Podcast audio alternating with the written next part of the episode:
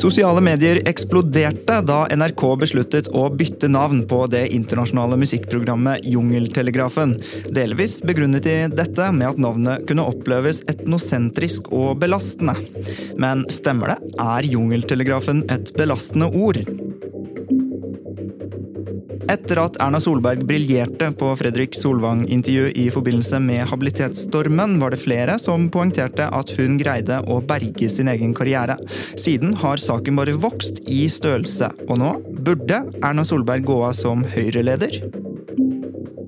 TV 2-programmet Forræder brukte et kirkerom som innspillingssted.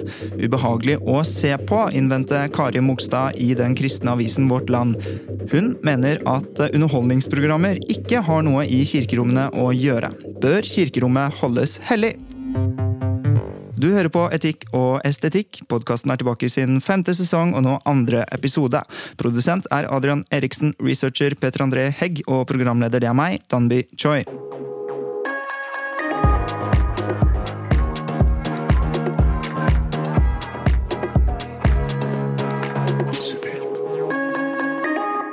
Med meg i studio har jeg ingen ringere enn Espen Ester Pirelli Benestad. Benestad er best kjent for sin rolle som eh, professor i sexologi og forkjemper av transpersoners rettigheter. Hen er den første i Norge som har blitt tildelt den kjønnsnøytrale tittelen professor emerit. I nesten 40 år har Benestad tatt imot personer med kjønnsinkongruens fra hele landet på sitt legekontor i Grimstad. Benestad er også en ivrig amatørskuespiller. I høst spilte hen Jesus som transperson i stykket 'Evangeliet etter Jesus, himmelens dronning' i Hamardomen. Eh, velkommen så mye til deg, Espen Ester Pirelli Benestad. Tusen takk etter en gjestlig introduksjon. Det var flott. Ja, du er jo et, en heder, et hedersmenneske. Eh, og flere reagerte kraftig på at du spilte Jesus som transperson. Mm. Vi skal senere inn på det hellige kirkerommet. Hva er ditt forhold til religion? Mitt forhold til religion er for så vidt ganske negativt, og mitt forhold til Gud er ganske positivt. Ja, Utdyp det. For religionene for meg, de byråkratiserer det åndelige, og det kan jeg ikke med. Mens det åndelige har jeg veldig stor sans for, og for så vidt også kontakt med, vil jeg si. Nettopp. Og er det sånn man må være som sørlending? Nei, det tror jeg ikke. Nei, det tror jeg ikke. Har... Mm. Sørlandskristendommen er jo kjent for å være mye mørkere, og den er jo ofte veldig religionstilknyttet. Men det er ikke jeg. Jeg, nevnte, jeg, opp, jeg kalte deg for altså et uh, hedersmenneske, og blant veldig mange så er du det. Og blant andre så er du altså sterkt kritisert. Uh, du har stått i mange betente stormer. Uh, likevel opplever jeg deg da som en modig debattant, og som stiller i disse. Hva er dine beste debattråd? Det å være deg selv. Å snakke fra hjerte og lever å være til stede med kjærligheten din i alt det du gjør. Hørtes ut som et godt råd, og vi håper at eh, vi kan eh, bringe det videre også i dag. Eh, men jeg har også lyst til å gå inn på en ting da, som er dette, den største stormen du kanskje har stått i, hvert fall i det siste, fordi statsforvalteren i Agder konkluderte med at du hadde brutt helselovgivningens krav til forsvarlighet, informasjonsplikt og journalføring, og da ble du tidligere i år først fratatt legeautorisasjonen. Hvordan var det, var det å få den beskjeden? Det jeg sa når jeg fikk den beskjeden, det er kan det være mulig? Er det mulig? Uh, ingen klienter har klaget på meg. Masse har sagt at det har reddet livet deres. Ingenting har gått galt. Så det må jo være noen helt andre grunnlag enn det klientene har behov for, som er uansvarlige da. Så jeg finner det veldig uansvarlig å ta fra meg autorisasjon over natta og kaste noen hundre ut i det store uvisse, for de hadde bare meg. Du ble fratatt eh, en eh, autorisasjon, og så blir du også stadig tildelt priser. Ja. Eh, pasientorganisasjonen for kjønnsinkongruens, også kjent som PKI, har laget en pris faktisk oppkalt etter deg. Yes, Hvordan er det, da? Espen Ester-prisen. Jo, det er jo, jeg, jeg syns jo sånn moro. Jeg blir jo glad for det. Og så tenker jeg ja, men da har du satt noen spor i sanden. Det tror jeg du har gjort. I, i sementen, kanskje. ja. At det blir stående. Og på motsatt side sitter lederen for Fremskrittspartiets Ungdom, kortere FPU, Simen Velle. Du kjenner ham kanskje fra TikTok, hvor han også går viralt, mildt sagt, men han er også en stadig hyppigere brukt kilde i norske medier. 22-åringen ble valgt som leder av FPU i 2022, og det er bare fem år etter at han først ble medlem i partiet. Som erkeliberalist har han tatt til orde for å legalisere illegale rusmidler, salg av organer og polygami, og det i motsetning til standpunktene moderpartiet Frp har tatt. Velkommen så mye til deg, Simen Velle. Tusen takk. Man kan vel si at du vant skolevalget. Gratulerer. Hvordan gikk det seg til, mener du? Eh, godt spørsmål. Det har jo vært mye synsing fra mange om, eh, om det skolevalget her. Jeg tror det kom, eh, kom som et sjokk på, på hele venstresiden, egentlig. Eh, et sjokk som jeg likte å levere fra meg. Eh, jeg tror det handler om, om mange ting. Eh, det ene er at vi, vi traff tidsånden. Vi svarte på de spørsmålene unge mennesker faktisk brydde seg om. Og så snakket vi til og ikke om folk. Og det tror jeg også har hatt, hatt en stor betydning. Fordi dagens politikere er, er, en generasjon med folk som dessverre, enten bevisst eller ubevisst, distanserer seg litt fra folket. Jeg tror ikke folket føler seg så tett på politikken som det man gjorde for noen generasjoner siden. Og når det da kommer noen unge politikere, som jeg og Unge Høyre-lederen er, eh, som rett og slett snakker med folk og svarer på de spørsmålene folk har, så, så har de åpenbart en appell. Ja, og Unge menn særlig, og arbeidere går til høyre i politikken. Eh, hva er det venstresiden gjør galt? Det, det, det, du trenger egentlig ikke å gjøre mer enn å se på, på årets skoledebatter. fordi eh, Det politiske Norge har blitt snudd på hodet i løpet av de siste par årene. Eh, vi har hatt en pandemi, nå har vi en dyrtid som går ganske hardt utover lommeboka til de som har lite. Og det er gjerne unges lommebøker. Eh, og så har høyresiden svart på de spørsmålene. Vi har snakket om dyrtid, vi har snakket om personlig økonomi, vi har snakket om de langsiktige linjene i, arbeidslivspolitikken. Og så har venstresiden fortsatt vært veldig opptatt av Uh, på en måte hvilke kjønn det skal være på toalettene, og, uh, og altså, alle, mulige rare arbitrære diskusjoner som misforstår meg rett, absolutt er verdige diskusjoner når ting går bra og det ikke er krise. Eh, men når det er krise, eh, så tror jeg folk flest eh, bryr seg Jeg har sagt det litt banalt og sagt det at de bryr seg kanskje litt mer om hvor mange arbeidsplasser som finnes, enn hvor mange kjønn det finnes. da, for å si det litt banalt. Er, er du enig i det, Espen Ester? Ja, det tror jeg i viktige krisetider så er vi opptatt av å få mat og tak over hodet, og da betyr andre ting mye mindre. Så jeg er jo enig i den analysen i og for seg. Men, men, det farlige er jo alltid at man glemmer andre viktige ting. da At det liksom blir fullstendig borte i stormen. Det, ja, man, ikke noe mange, greit. man må ha mange ting i hodet samtidig. Ikke vi minst, må det, vet du. Ikke minst rusdebatt, rusdebatten, og du snakker om en legalisering, eh, vel, salg av organer og polygami. Hvordan skal dette være god Frp-politikk, når partiet tross alt ikke bare består av liberalister, men også erkekonservative velgere og politikere? Ja, la meg starte med å si at både polygami og, øh, og organsalg er, er, diskusjoner som er dratt veldig ut av sin kontekst. Uh, organsalg det var et utspill FPU hadde for noen år siden uh, for å forsøke å rette rette søkelyset mot diskusjonen om organdonasjon, noe vi fikk ganske godt til. Og Organdonasjon Norge var for øvrig ganske fornøyde med at vi løftet den debatten, fordi man igjen satte i gang den donasjonsdebatten. Og når det kommer til polygami, så er ikke det vi har sagt at vi ønsker veldig mye polygami. Vi ønsker bare at staten ikke skal blande seg inn i hvem som gifter seg og er sammen med hvem, for det mener jeg ikke er statens oppgave. Hvordan skal du få med deg Sylvi på det her, da?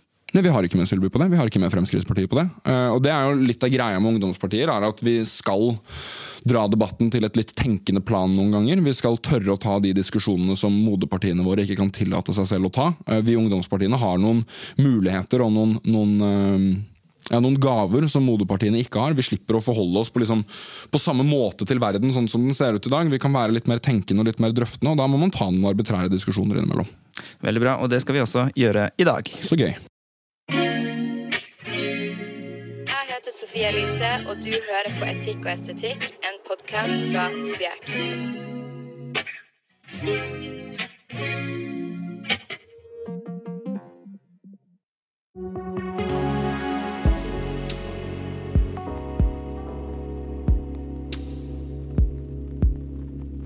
Sosiale medier de eksploderte da NRK besluttet å bytte navn på det internasjonale musikkprogrammet Jungeltelegrafen. Delvis begrunnet de dette med at navnet kunne oppleves etnosentrisk og belastende.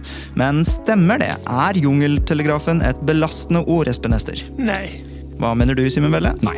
Ok, da får jeg prøve å være kontrær. Um, altså, Jungel, kan ikke det Dette er jo et internasjonalt program som eh, kanskje mange opplever at uh, ser på musikken deres som noe litt sånn primitivt? Det første jeg tenkte på, det var hvilken, hvilken jungel er det som er fornærmet her? Det, det hadde jeg litt problemer med å skjønne. Altså, Jungel er jo et ord som altså Word by the mouth, heter det på engelsk. Eh, og det er jo et uttrykk som har stått der lenge. Jeg klarer ikke med min beste vilje å skjønne hvordan det blir etnosentrisk eller primitivt. Kan godt tenkes at hele greia baserer seg på at man i noen jungelområder brukte trommer, f.eks. Mm. Eh, men vi brukte bål. Ja. For å oppnå akkurat det samme.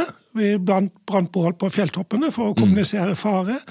Så, så det nei, nei, det begriper jeg ikke. Og jeg tror da går man for langt med å passe på noen som ikke nødvendigvis har bedt om det engang. Ja, og det er jo litt av kjernen her. fordi at eh, når man peker på, eller spør hvem er det som egentlig eh, ser på dette som eh, belastende eller etnosentrisk, så er de altså svar skyldig.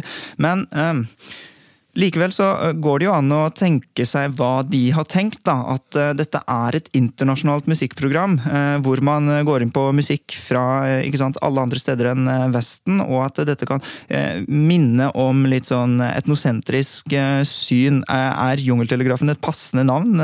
Altså, et, navn også, et godt navn handler jo også om å ikke misforstås. Jeg, mener jo at Jungeltelegrafen egentlig er en, en, veldig passende begrep for et program som det. Eh, som Espen helt riktig sier, så er jo Jungeltelegrafen for meg det er et begrep jeg har brukt i, i, oppveksten min. Jeg tror veldig mange skjønner hva det betyr. Eh, det er på en måte en, en, eh, nesten et synonym til at ting sprer seg som ild i tørt gress, og man, man, snakker litt Ikke de formelle kanalene, men at man, man snakker litt mellom mennesker. Jeg mener at det, det, begrepet Jungeltelegrafen passer veldig godt til det programmet. Og så er jeg helt enig i at jeg, jeg skjønner ikke helt hvem som har blitt krenket her. Jeg skjønner ikke helt hvem som, som har så veldig mye imot dette. Og hvis man på død og liv til enhver tid skal tolke ting etnosentrisk og på en måte lete etter en fiende i alt, alt som blir sagt og gjort, så, så, tror jeg debatten vår har sporet veldig av. Uh, og det er en av de tingene som irriterer meg med woke-debatten i dag. Fordi jeg tror woke-debatten på lik linje med veldig mange andre debatter kommer fra et veldig fint sted. Kommer fra noen veldig fine intensjoner, uh, men har sporet fullstendig av. Uh, og Dette er et veldig godt eksempel på den avsporingen. Uh, fordi Debatten om hvordan vi snakker med hverandre og diskusjonen om hvordan vi skal oppføre oss med hverandre, det mener jeg er en, en rasjonell diskusjon å ta i et liberalt demokrati, hvor vi har ytringsfrihet. Selvfølgelig skal vi snakke om hvordan vi, vi snakker til hverandre. men når man kansellerer, når man sensurerer, og når man unngår alle de skarpe hjørnene og, og, og på en måte fjerner all grusen i skolen skolegården, som jeg pleier å si, eh, for at ingen skal falle og slå seg, så, så tror jeg vi er på vei et veldig galt sted. Er vi det? Ja, jeg syns også den Våg-debatten har gått for langt. Som er bare en liten kommentar til min meddebattant her. Jeg heter Espen Ester. Unnskyld. Beklager, beklager. Ja, Nei, jeg syns det har gått for langt. Og, og når noe går for langt, så får du en motbølge, og den motbølgen kan da ta deg lenger tilbake enn du var. Og jeg syns vi ser det på ganske mange områder, at det kommer reaksjoner tilbake nå som gjør at man må trekke seg vesentlig lenger tilbake enn der man kunne ha vært. Og det syns jeg er kjempesynd, og jeg er helt enig i at dette her må være et eksempel på det. Ja, og jeg skal jo eh, først som sist bare nevne at jeg også har tatt et standpunkt i denne debatten, og jeg trenger jo, jeg burde presseetisk sett ikke late som om jeg er helt nøytral her, men, men dette mente jo jeg da at eh, kan leses inn i en tendens, og at det isolert sett kanskje ikke er så farlig, men når vi ser altså at eh, Samrådet mente det var tidsriktig at joikakaker måtte bytte navn tilbake til Vilt, bakeriet Heimdal Sjokolade i Arendal, det var kanskje litt verre da de eh, kalte Da de skrev negerbolle istedenfor flødebolle på Facebook i så sent som 2016. FHI de har endret betegnelsen fra apekopper til mpox etter tilbakemeldinger om at apekopper oppleves som stigmatiserende. Eh, og så har vi altså universiteter i England som fjerner bøker fra leselister for å beskytte studenter mot støtende og utfordrende i sitattegn innhold. Roald Dahl-bøkene på engelsk ble tidligere i år renset for støtende ord.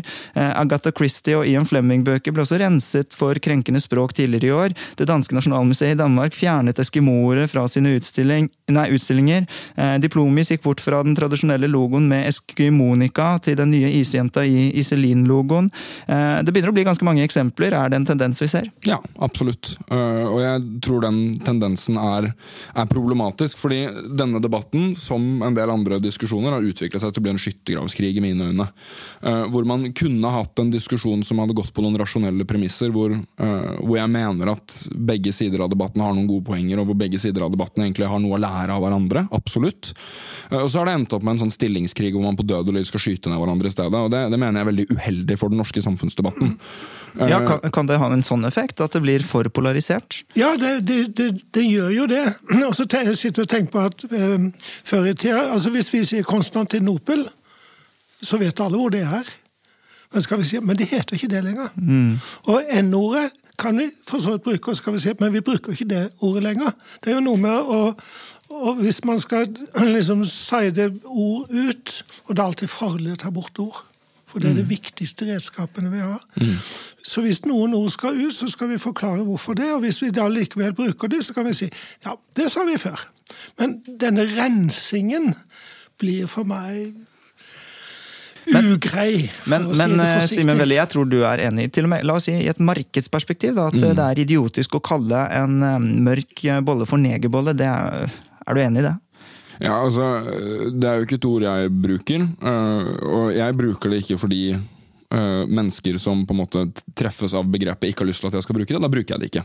På samme måte som at hvis noen ønsker at jeg skal bruke et pronomen om dem, så bruker jeg det pronomet. Fordi jeg er en hyggelig fyr og har lyst til å gjøre folk rundt meg til laks. Uh, og så er jeg uenig i at det skal på en måte nedfelles i straffeloven, og man skal på en måte straffes for å være en drittsekk, for å si det litt banalt. Men uh, jeg mener jo prinsipielt det at sant, denne diskusjonen trenger ikke å være så stor som den har blitt, hvis folk bare hadde lyttet litt mer til hverandre, tror jeg. Uh, og det er åpenbart at de som sensurerer og de som kansellerer, har i et historisk perspektiv alltid stått på feil side av historien. Eh, den katolske kirken har drevet mye med bokbrenning. Nazistene drev bokbrenning. De som brente hekser i Salem i USA på 1600- og 1700-tallet, de drev med bokbrenning. De som sensurerer og de som forsøker å endre historien, eh, de har alltid stått på feil side. Eh, og det men, mener jeg de gjør nå også. Ja, Men altså, feil side i så fall, er det også, kan det være høyresiden, selvfølgelig. I USA så er det altså genderqueer og en del sånne LGBT-bøker som forsøkes eh, sensurert. Eh, hvordan skal du, eller altså, Hva burde, burde høyresiden rydde opp her? Jeg tenker at kunnskap øh, veldig sjeldent er farlig.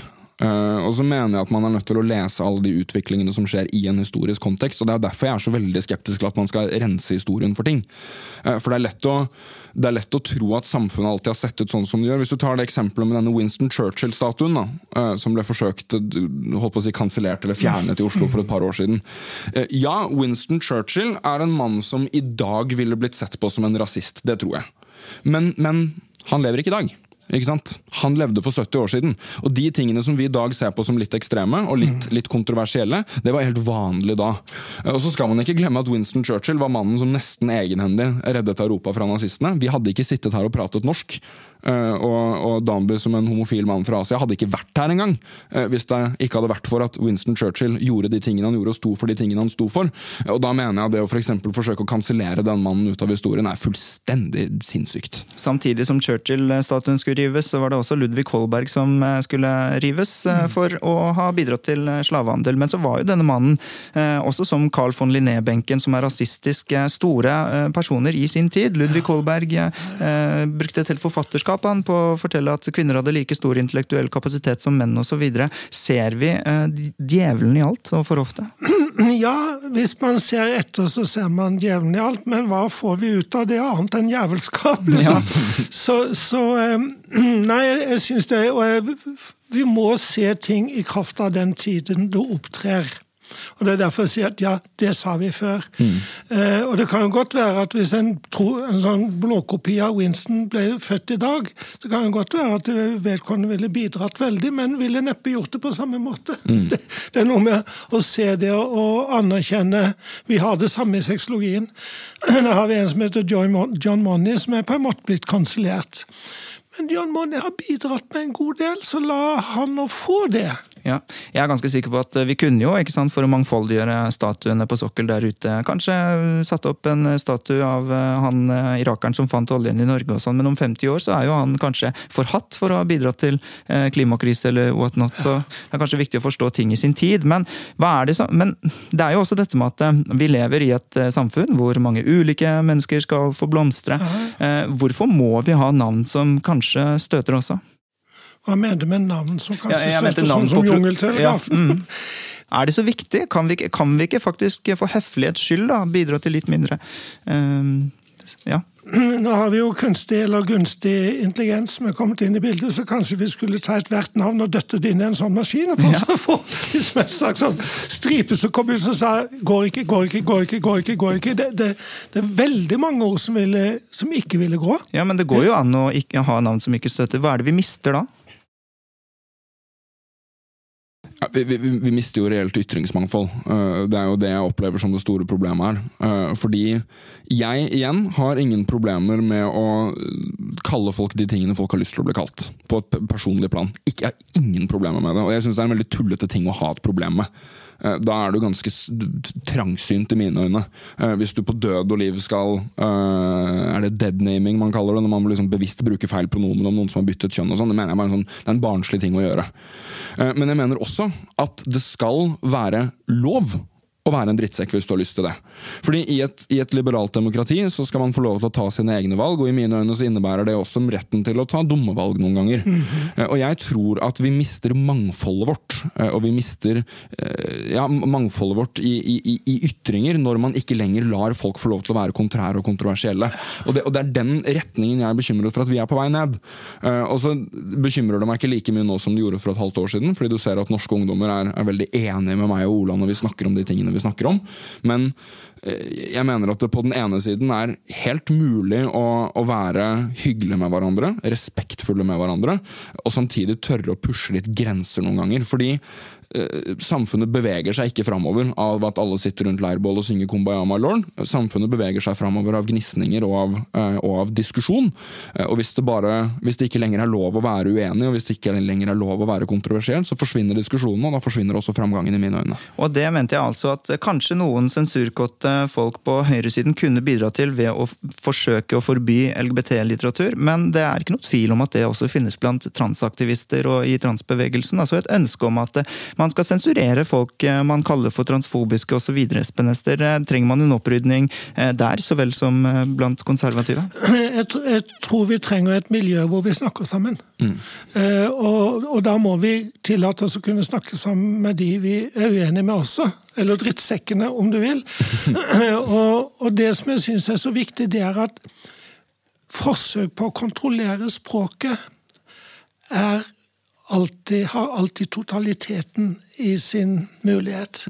Og, og vi ser jo det i noen totalitære regimer, at de prøver å kontrollere språket. Det er laga god science fiction-litteratur på det på 1980-tallet, tror jeg. Hvor man tok vekk alle negasjonene. Så du kunne si pen, men du kunne ikke si stygg.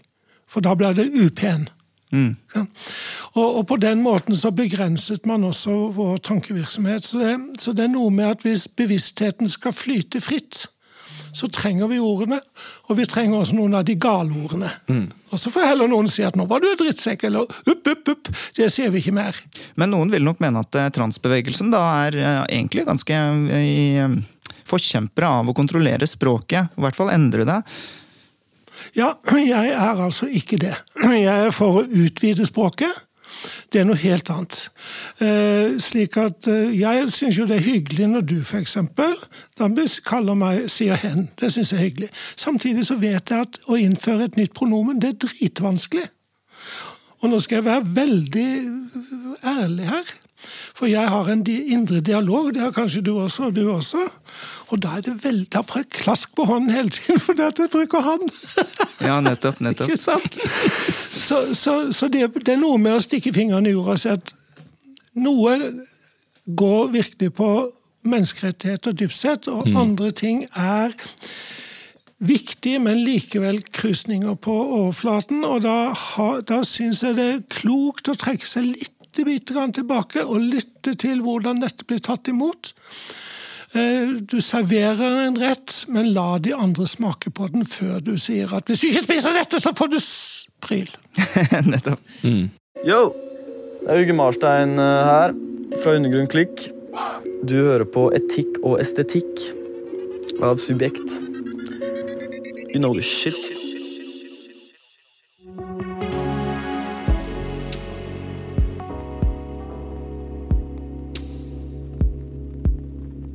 Etter at Erna Solberg briljerte, mener noen på Fredrik Solvang-intervjuet i forbindelse med habilitetsstormen, var det flere som poengterte at hun dermed greide å berge sin egen karriere. Siden har saken bare vokst i størrelse. Burde Erna Solberg gå av som Høyre-leder, Simen Velle? Nei, det mener jeg ingenting om. Jeg tenker at uh, Ja eller nei? Du må svare ja eller nei. uh, jeg er heldigvis ikke medlem i Høyre, så det har jeg. Men det, altså, jeg, jeg har genuint ikke noe svar på det. For jeg, for jeg mener at uh, det er en uting at politikere blander seg inn i hvem som skal lede de andre politiske partiene. Og ja eller nei, Espen Ester?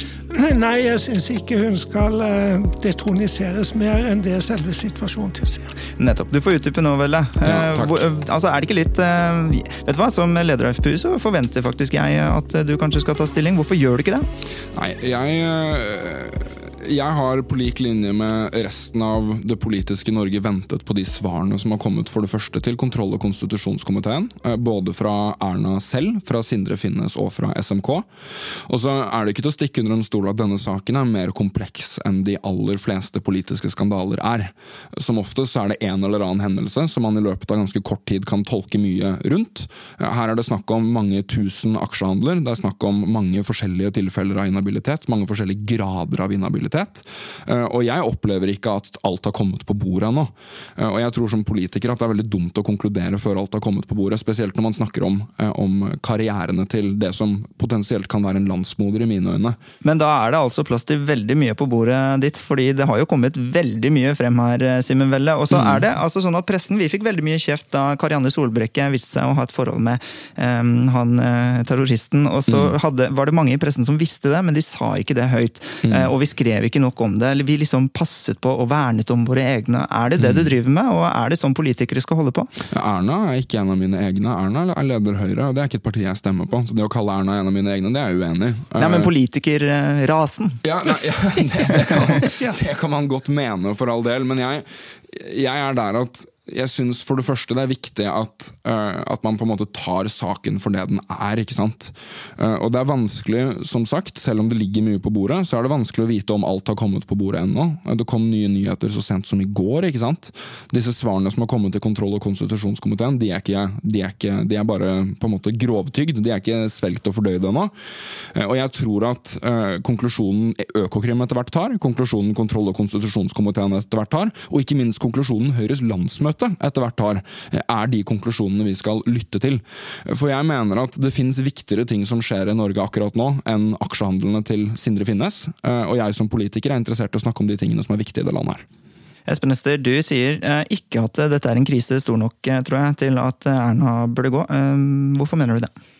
Jeg er jo enig i at dette er en veldig komplisert sak. Og mitt utgangspunkt er at Norge er et av de landene i verden hvor tilliten er høyest. Slik at tillit er viktig. Eh, Og sånn sett så kunne man da si at eh, en som har gjort noe gærent, har ikke lenger tillit og bør gå. Men det er andre tillitsdimensjoner i dette her, og en tillitsdimensjon det er den tillit man har til sin partner. Som jo er ganske sentralt i dette.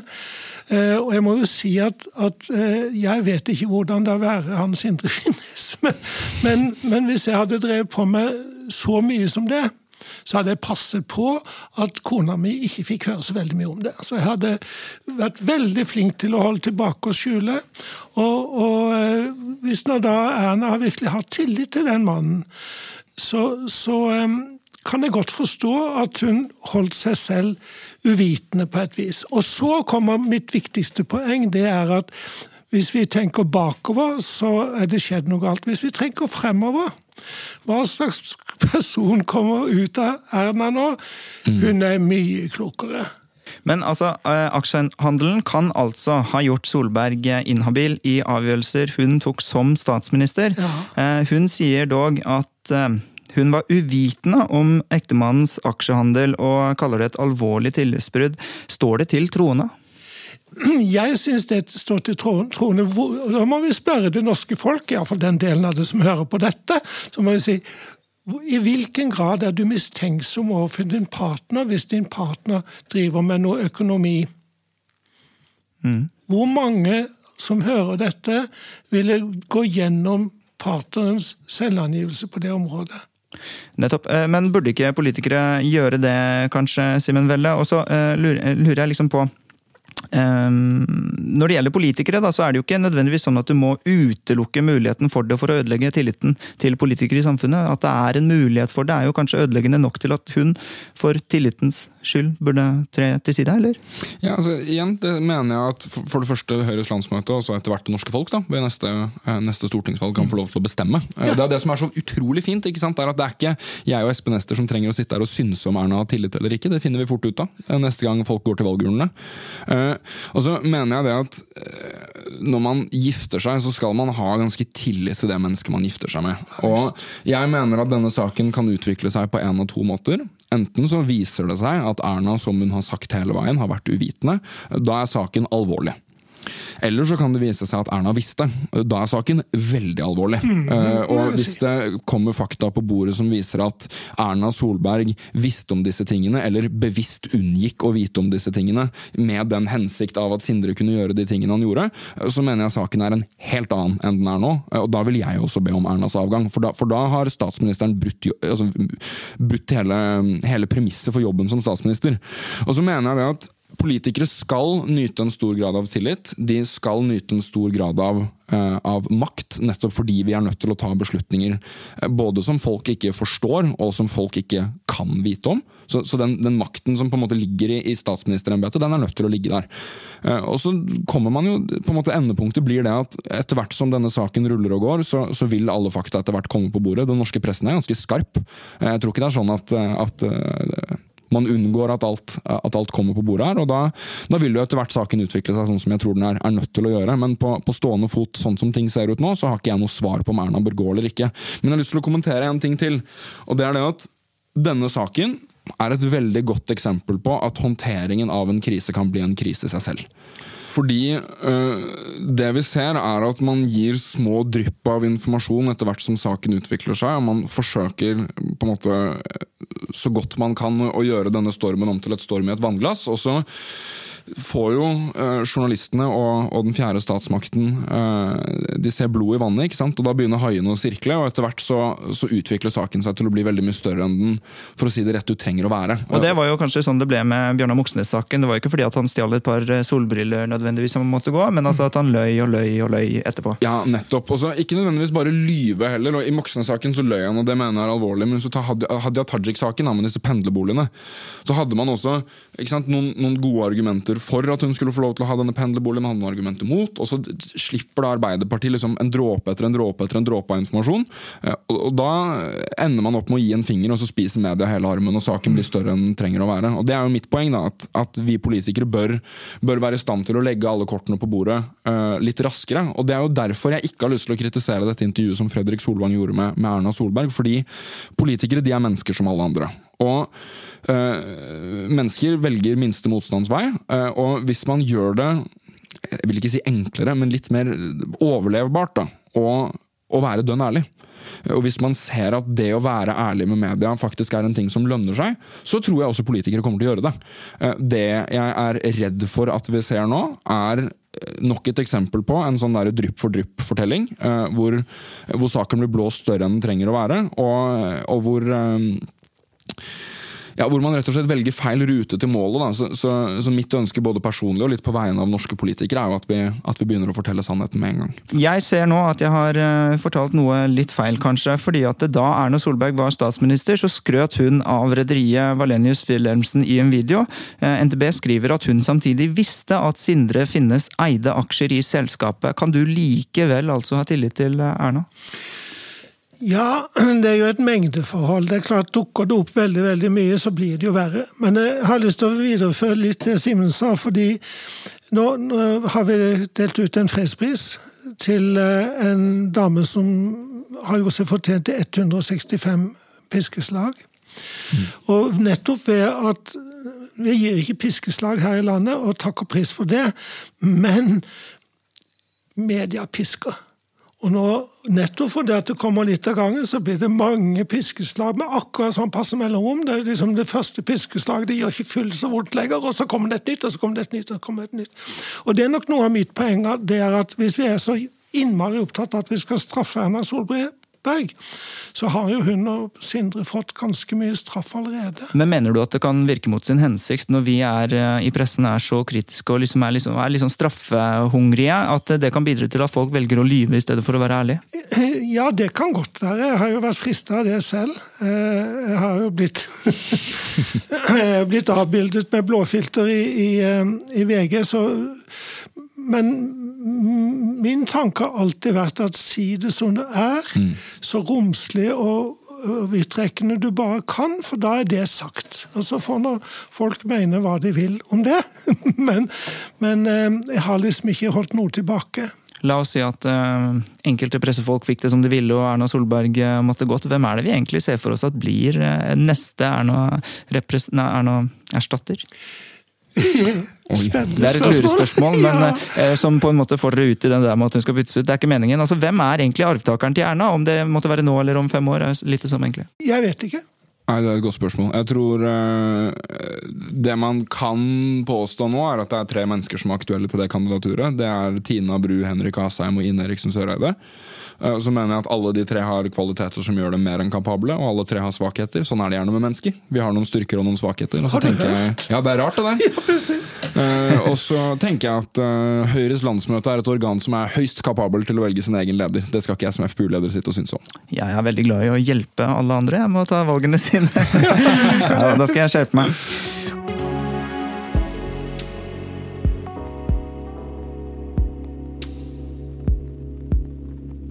TV 2-programmet Forræder brukte et kirkerom som innspillingssted. Ubehagelig å se på, innvendte Kari Mogstad da i den kristne avisen Vårt Land. Hun mener at underholdningsprogrammer ikke har noe i kirkerommene å gjøre. Burde kirkerommet holdes hellig, Espen Ester? Ja, det syns jeg. Og hva mener du, Simen Velle? Nei. Nei. Og eh, hvorfor mener du det, du som altså er transperson og eh, ofte eh, havner i klinsj med nettopp disse religiøse? Ja. For spørsmålet ikke er hvorvidt det skal holdes hellig eller ei. Spørsmålet er hvem bestemmer hva som er hellig. Ja. Eh, og da får vi en helt annen samtale om det. Eh, og for meg er kirkerommet, mange kirkerom, og også templer og hindutempler har vært overalt, eh, de, de, rommene er noe som det er sånn induksjonssteder for å gå inn i noe som er større enn deg sjøl. Og, og, de induksjonsstedene, de, de trenger vi.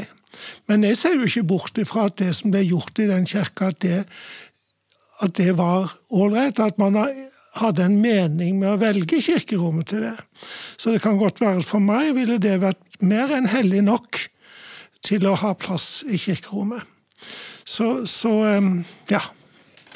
Eh, Simen Velle, kunne man sett på kirkerommet som, som, et slags eh, årsmøte i Høyre og bedt dem få lov til å bestemme over sitt eget rom? Hvorfor skal andre involvere seg i det? Hvorfor mener du ikke det samme prinsippet gjelder her? Eh, jeg tenker for det første at det er helt frivillig å se på Forræder. Det er ingen som tvinger deg til å se på det. Så hvis du syns det som skjer der er støtende, så anbefaler jeg deg en av de andre hundrevis av kanalene som finnes på lineær-TV-en. Og så tenker jeg også det at jeg tviler på at Nå vet jeg ikke hvem som har lagd dette programmet, er det VGTV?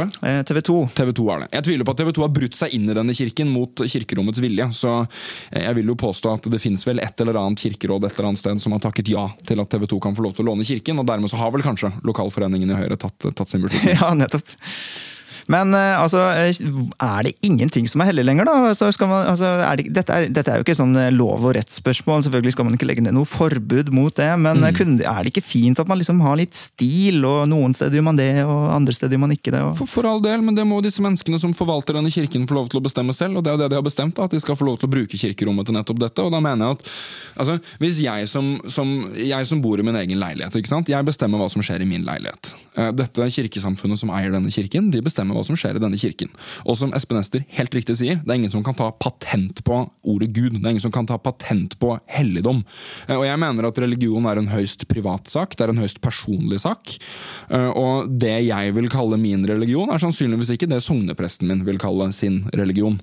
Eh, og det å være så konsekvent og si det at nei, kirkerom og templer de skal være hellige, og der skal ikke de tingene skje, det mener jeg er en veldig sånn ja, Jeg mener det er å dra diskusjonen ganske langt. Og så har ikke jeg sett den episoden, så jeg vet ikke hva de faktisk gjorde i denne kirken. og Det kan godt hende at det skjer ting som ville vært støtende for meg også. Eh, men igjen, jeg syns eh, de som faktisk eier kirken og forvalter dens bruk, er, er de som er best i stand til å vurdere de tingene. Kari Løvendal Mogstad skriver i innlegget at hun mener at kirkerommet er et sted for livets helt spesielle anledninger, og som sted der man går inn med ro og respekt. Hun skriver men da programleder Mats Hansen sto for alteret og deltakerne knelte foran ham, ny opplysning, må jeg innrømme at jeg reagerte, skriver hun. Det ble enda mer ubehagelig, fortsetter hun, å se på da deltakerne løp rundt i kirkerommet og benkene var fylt med kirkegjengere, eh, i anførselstegn, som hadde på seg skumle masker så det hele skulle få et ekstra spooky preg. Eh, noen snakket høyt, det vanket banning, og de spilte utdrag fra salmer. Det var i det hele tatt ganske surrealistisk å se på, har hun et poeng? Ja, hun har selvfølgelig et poeng, og, og hun har jo følt på dette selv, og, da, og, hun har valgt å se på det også, forstår jeg. Mm. Så det er klart hun har det. Men på et eller annet tidspunkt så var innspillinga av det programmet over. Og da kom jeg inn i kirka. Ja, fortell litt om det. Jeg gjorde ikke det, men jeg kunne ha gjort det. Ja. Mm.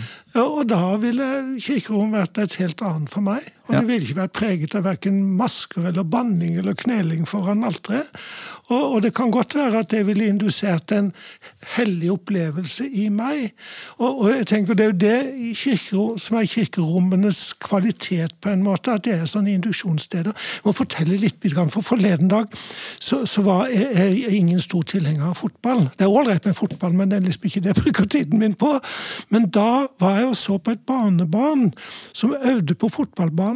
Og det ble da et induksjonssted, ikke for det hellige, men for min mulige interesse for fotball. Ja. Så, så, det så selve situasjonen og rommet gjorde noe med meg. Mm. Uh, og det vil jeg gjerne at kirkerommene fortsetter å gjøre. Men det er ikke mulig å søle det til. Altså, eh, Jeg kunne jo sett for meg at eh, du fikk den samme liksom, eh, opplevelsen da du Eller da, det var et dragshow på Paulus kirke, ja. rett oppi hugget her fra hvor vi sitter på Grünerløkka. Mm. Hvor det også vekket kraftige reaksjoner. Gjesteskribent i Subjekt, Ivar Bu Larsen, skrev at han reagerte på en uttalelse om at kirkerommet tåler alt, ikke sant? som var innstillingen til mm. denne kirken. Um, kirkerommet faller ikke sammen av et dragshow, skrev han, men det bidrar til å redefinere kirken som hellig rom. Utsmykningen av kirkerommet med kunst og symbolbruk gjør det teologisk ladet, men bruken er også med på å forme rommet. Når det profane, altså det utenfor hellig, det som er utenfor helligdommen, løftes inn i kirkerommet, oppheves til sist distinksjonen mellom det hellige og det profane. Dermed slutter kirken å være et radikalt annerledes rom. Hvis kirken blir redusert til et slags kulturhus med kristen utsmykning, så opphører det å være kirke. Har han et poeng? Et, alle som tenker og føler, har et poeng. Og da kan vi tillate oss å stoppe opp og høre på det poenget jeg tror bare Igjen så er det igjen et spørsmål hvem er det som bestemmer hva som er hellig. Eh, og et, eh, noen kan nok oppleve at det å ha et dragshow i, i kirken gjør noe Ikke noe negativt med kirken, men kanskje gjør noe positivt med dragshowet. Mm. Kanskje det får et, et, tillegg som det ellers ikke ville hatt. Og, og husk dette å leke med kjønn. Det har det vært lite plass for i kirkerommet. Jeg har jo ikke lekt med kjønn der, men jeg har opptrådt definitivt med kjønn der. Og fått stående applaus liksom i, i, kirkerommet. Og for meg var det en hellig opplevelse hver eneste gang. Men det var sikkert noen som så på dette som syntes dette var forferdelig. Eller profant. Altså Jeg lærte av min mor at profant betyr for faen. Ja. Blasfemisk ja, litt. Ja. Mm. Jo, men det gjør det jo. Pro, ja. ikke sant. Men uh, dette er ikke første gang uh, Tooji i Frogner kirke skapte um, blest uh, og furore da han spilte inn en musikkvideo. videoen inneholdt intime og avkledde scener foran alteret i kirken. Spesielt at scenene inneholdt to nakne menn ble ansett som kontroversielt.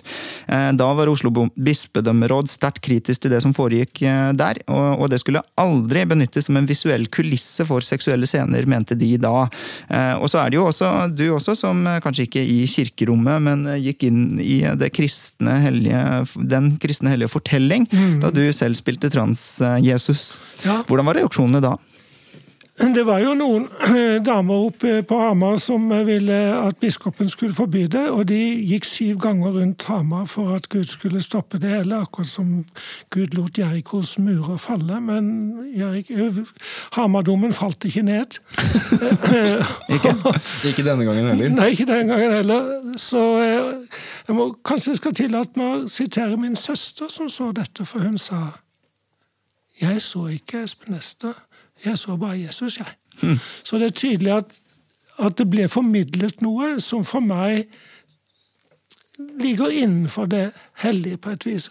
Og når jeg leste det manuskriptet, så visste jeg at hvis jeg fant det respektløst, så ville jeg jo ikke påtatt meg den rollen. Nei, og det er egentlig et eh, viktig ord her, for Kari Løvendal Mogstad mener altså at det er respektløst, og at man skal vise respekt overfor alle trossamfunn og de menneskene som tilhører dem. Mener du det er respektløst å eh, inntre med burlesk og dragshow i kirka? Nei, jeg tenker det at kirken, for å være helt ærlig, har det godt av å og få tøyet grensene sine noen ganger. Vi skal ikke glemme det at det som historisk har vært en av de største motkreftene til både homokampen og, og kall det den store pride-bevegelsen, hvis man på en måte kan kalle det en sånn paraplyting, det er jo nettopp kirken. Eh, kirken som brant hekser som gjorde mattestykker på egen hånd. og Det er ikke, det er ikke måte på hva kirken har gjort opp igjennom. Eh, Så jeg syns kirken kan eh, puste litt med magen og tåle at folk er litt uenige med dem også. Og jeg mener at Dette går litt tilbake til det poenget jeg hadde i stad om at vi er nødt til å Altså, For å finne hvor grensen går, så er noen nødt til å pushe grensene. Og så er vi i etterkant nødt til å diskutere hvor den grensen skal settes. Og så mener Jeg altså jeg er ikke en veldig sterkt troende kristen, men jeg er medlem av Den norske kirke, og jeg går i kirken på julaften og er sånn sett en flink ung mann. Eh, Men for meg er det ikke, er det ikke farlig om, om, om kirkerommet brukes til andre ting enn det tradisjonelt har blitt brukt til. Og jeg mener at Kirken, som alle andre deler av samfunnet, har en plikt til å utvikle seg i, i tråd med samfunnet, og da er man nødt til å, å teste noen ting noen ganger. Jeg for eksempel har noen kompiser som eh, jeg, jeg sang i kirkekor da jeg gikk på barneskolen. Det er noen fakta som veldig få vet om meg.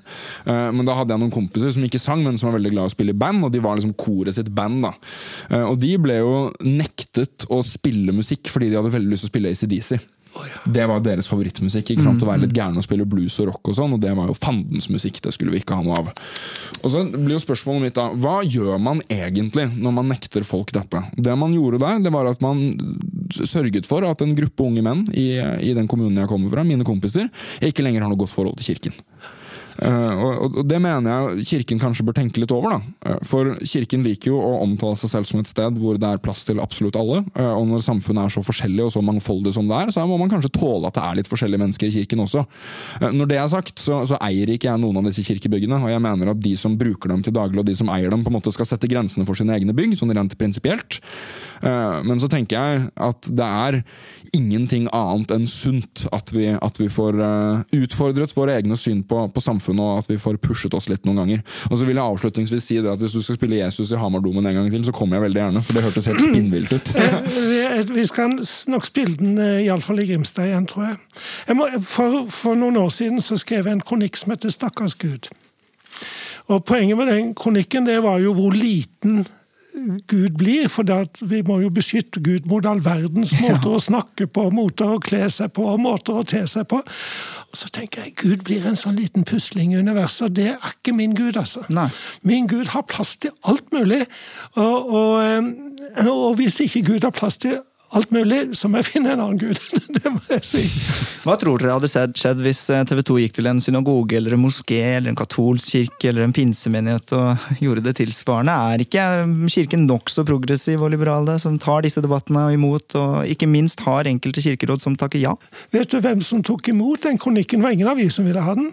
Det var Menighetsbladet Babu. Nei, men så kult! Ja, men nettopp. nettopp. Og, og min erfaring med, med, med kristenfolk er egentlig veldig god. Og kona mi sier jo at uh, hun hadde mer fordommer mot kristenfolket på Sørlandet enn det viser seg at kristenfolket på Sørlandet hadde mot henne. Det er også godt sagt, og jeg tror det er sant. Helt til slutt, hva er hellig for deg, Espen Ester? Det hellige for meg er de stundene hvor kan føle kontakt med altet. Og hva er hellig for deg, Simen Velle? Uh, mye av det samme. De, de, de øyeblikkene i livet hvor man, hvor man kjenner på roen, og hvor man kjenner på at der jeg er nå, det er der jeg skal være. rett og slett. Uh, og for meg så skjer det ofte rundt middagsbordet hjemme hos mor. Det er veldig heldig for meg. Og dra hjem og spise middag med, med familien min. Og det er litt det som er poenget. da, at jeg tror ikke det er sunt at noen eh, gammel mann eller kvinne eller, eller, eller, hva som helst for den saks skyld, eh, sitter og definerer på vegne av alle andre hva som er greit og ikke. Jeg tror vi helt fint kan ha en diskusjon som baserer seg på at vi pusher litt grenser og diskuterer hvor grensene skal gå. og Så, så tror jeg det, det, er sunt for både Gud og religion og for folk flest sin skyld om, om vi får lov til å, å definere vår egen religion på egen hånd. Veldig bra. Og med det så takker vi for besøket, Simen Velle Takk. og Espen Ester Pirelli Benestad. Takk for nå. Du hører på Etikk og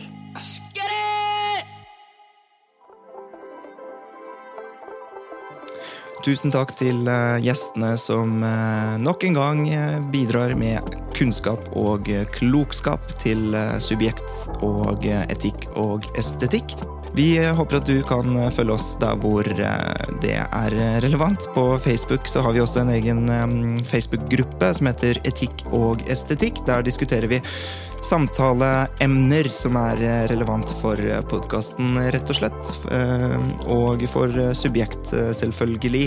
Eh, det er også veldig hyggelig om du kan legge igjen en sånn stjernerangering på Apple Podkaster, om det er der du hører på oss, eller eh, anbefaler podkasten videre til den du ønsker å gjøre det til. Ellers så har jeg lyst til å si tusen takk til Fritt Ord, som siden start har støttet Subjekt, men også podkasten Etikk og estetikk Bye.